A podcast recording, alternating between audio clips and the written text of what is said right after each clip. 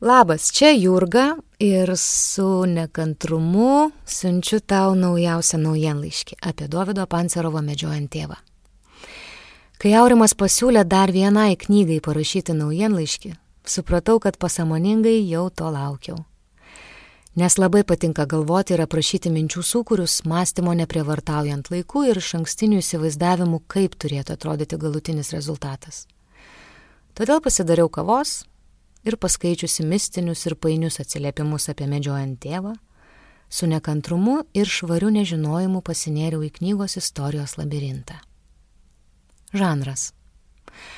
Nuo vaikystės labai mėgau skaityti detektyvus ir tik neseniai išsiaiškinusi, kodėl, vos neatsisėdau iš netikėtumo. Suvokiau, kad pavyzdžiui, Conan Doilio Sherlockas Holmesas iki šiol skaitomas yra dėl vienos paprastos yra iškeregiškos priežasties Visų sudėtingų tyrimų metu skaitytojas susitapatina su bylas vieną po kitos gliaudančių detektyvų ir jaučiasi tarsi laikydamas vadelę savo rankose. Skaitydama gerai sukaltą detektyvą, visada įimu pasitikėti pagrindinių veikėjų, o per juos ir savo, sugebėjimais išsiaiškinti paslaptis, rasti atsakymus į sudėtingus klausimus. Atsipalaidavusi nuo kritiško savęs vertinimo, pradedu į aplinkui vykstančius sunkius dalykus žvelgti adekvačiai, lengviau ir tarsi iš šono, nesusitapatindama ir sugebėdama pasidaryti asmeninės išvadas. Geras detektyvas man primena, kad mano gyvenimas yra tik dar viena pasakotojo labai įtaigiai pasakojama istorija. Pasakotojo, apie kurį sukasi tikrasis mano gyvenimas. Pasakotojo, kuris žino skirtumą tarp to, ko noriu, ir to, ko man iš tiesų reikia. Poetinis detektyvas. Grįžtu prie knygos, apie kurią šiandien. Man medžiojant tėvą yra poetinis detektyvas. Žinau, kad kitam jis gali būti labiau politinis, bet kalbos figūros čia kyšo tarsi įlos iš maišo. Romano kalba talpi ir taupi vienu metu. Davidas Pancerovas laisvai žongliruoja metaforomis, traukdamas iš pakampių užsislėpusius introvertiškų knygos veikėjų jausmus, reikiuodamas klausytojo teismui nepridengtas mintis ir nepatogiai inkščiančias vidinės būsenas. Labai patiko rašymo stilius ir pastabumas detalėms. Žinau, kad knygą autorius rašė garsiai tardamas kiekvieną sakinį. Gal todėl tiek ją skaitydamas tiek klausydamas atsiduodi tam kalbos tekėjimui ir patikliai leidėsi vedamas istorijos vingiais. Patiko kontrastai. Pasikartojantis ir bukai besisukantis kasdienybės rutinos ratas, čia nurimsta po lengva saulės spinduliuose žaidžiančią dulkių uždangą, o kraujas sustingsta nuostabios marių pakrantės fone. Kas gali būti gražiau? Jokauju, keliaujam toliau. Realybė. Pirmųjų Davido Pancervo knygų Kyborgų žemė ar kartu su kolege Birute Davidonytė parašyto kabineto 339 fanus gali nustebinti tai, kad jų ausise suskambės nebe dokumentika, o grožinė literatūra, kas mane asmeniškai prisipažinsiu labai nudžiugino. Realybė man daugeliu atveju yra neįdomi. Dėl to iš kiekvieno ją aprašančio, o ir iš savęs pačios visada reikalauju požiūrio į tai, kas vyksta. O požiūrio knygoje netrūksta. Jis nėra primestas, tačiau su kiekvienu prisiminimu personažai artėja ir darosi atpažįstami. O autorius meistriškai kuria tamsią slogę, lipnę ir atrodo niekada neišsispręsiančią atmosferą. Laikas ištirpsta laukime, o erdvėj įsiurbia įveikiančiųjų vaikystės prisiminimų gelmes ir fantazijas. Realu ar ne čia netenka prasmės nes viskas jungiasi į slogų, tačiau be kompromisų krapštamą įvykių šašą. Medžiojant tėvą prasideda mirtimi, bet sakyčiau yra apie gyvybę, ar bent jau nežmonišką jos ilgesi, kuris liko už nugaros praeitie kaip blankus prisiminimas. Galimybė kokybiško gyvenimo kvepuojant pilnais plaučiais. Tačiau knygos kambariai nukloti negyvos odos sluoksniu, užgriozdinti baldais ir prisiminimais.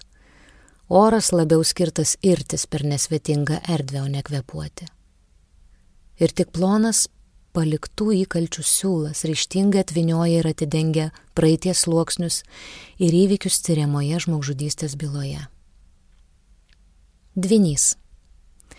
Davidas Pancerovas žino, kaip paprašyti vienatvės spalvą iki sunkiai violetinio vienišumo atspalvio. Pagrindinio romano veikėjo Tomo vardas išvertus iš hebrajų kalbos reiškia dvinys. Šios knygos atveju nesamas, geresnis dvinys.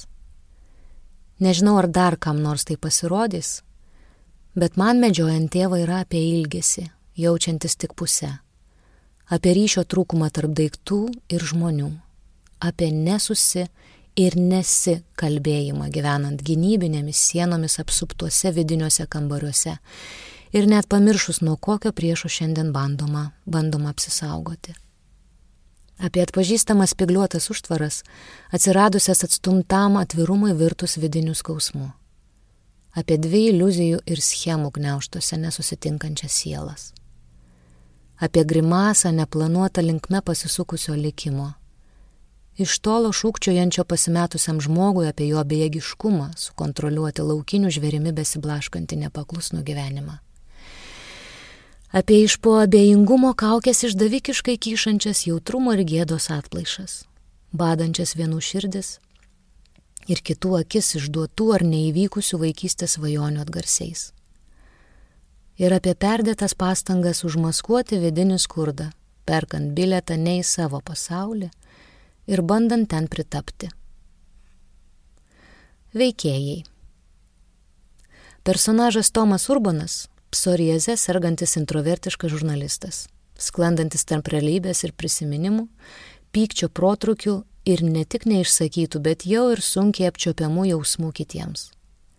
Skupų žodžiu, gyvenantis giliai savo viduje, toli net nuo artimiausių žmonių akių. Jo partneriai Dovydas ir Jėva yra savotiški tarpininkai, vis ištraukiantys Tomą iš visiško pasitraukimo į savo vidinius beprotybės kambarius. Vienas įdomiausių man personažų romane - Olegas Jeremėjus, iš vaikystės purvo realybės iškopęs į tariamas visuomenės aukštumas. Tik jauti, kad bokštas, ant kurio stovi vaikinas, braška per visas kilės sunkiantis politinių manipulacijų mėšlui. Man Olegas primena įžeistą piktą vaiką, prisidengusi savo pažeidžiamumą šypseną ir kostiumu, bei gurkšnojantį kavutę madingame restorane. Romane taip pat knipžda matomų ir nujaučiamų pilkaveidžių patikėtinių, tarsi tornadas sukančių nešvarius reikalus po visas apylinkės ir pagal įsakymą iš aukščiau varstančių reikiamas duris. O tornado aky stovi ir vadelės rankose laiko Tado Jurgino figūrą. Nepagaunamo, nepajudinamo, sportiško ir slidaus, resgančio savo tinklus mažų nieko nenutokiančių žmogelių rankomis. Daiktai. Prisimenant romano istoriją, prieš akis man visada iškyla Tomo kuprinė su prikabintų mėšlavabaliu. Kelionė su maža priekaba, tarsi USB raktas talpinančia tai, kas nepasakyta, Tai, ko neišsprendėjai, negali pamiršti ar nusimti nuo pečių, tad velkiesi paskui save, kur beeitum. Tiesa, pats Davidas Pancerovas šį daikčiuką ant kuprinės Tomui prikabino pasiskolindamas jį iš savo realaus susidūrimo su vienu iš Lietuvos politikų. Jeigu įdomu, kas jis, gali tai išsiaiškinti vasario 25 dieną 19 val. pasirodysiančiame pokalbėje su autoriumi. Apie tai ir apie patį knygos rašymo procesą Dovydą Pancerovą kalbinau naujoje audiotekos rubrikoje Audio lentyna. Pabaiga.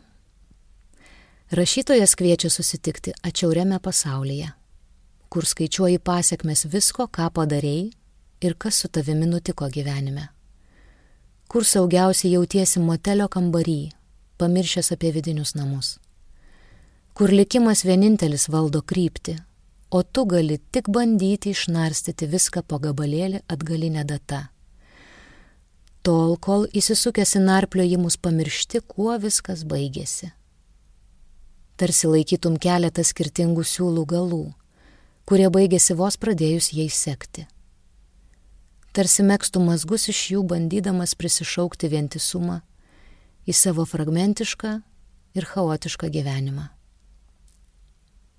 Medžiojant tėvą yra knyga apie vienišą detektyvą, klausysinti šią knygą. vienos iš veikėjų Jėvos Pekuraitė žodžiais, pasiekus pergalę visiškai jokio džiaugsmo. Jaučiu tik nuovargį ir palengvėjimą, kaip po tragiško vaidinimo nukritus scenos uždangai. Lyg girdėtum neištartus autoriaus žodžius. Turi padaryti kažką dabar, kad nenuskestum begalinėje savo paties šulinio gilumoje, nemirtum, kol dar gyveni. Ar dar gyveni? Linkėjimai ir turiningo laiko klausantis knygą.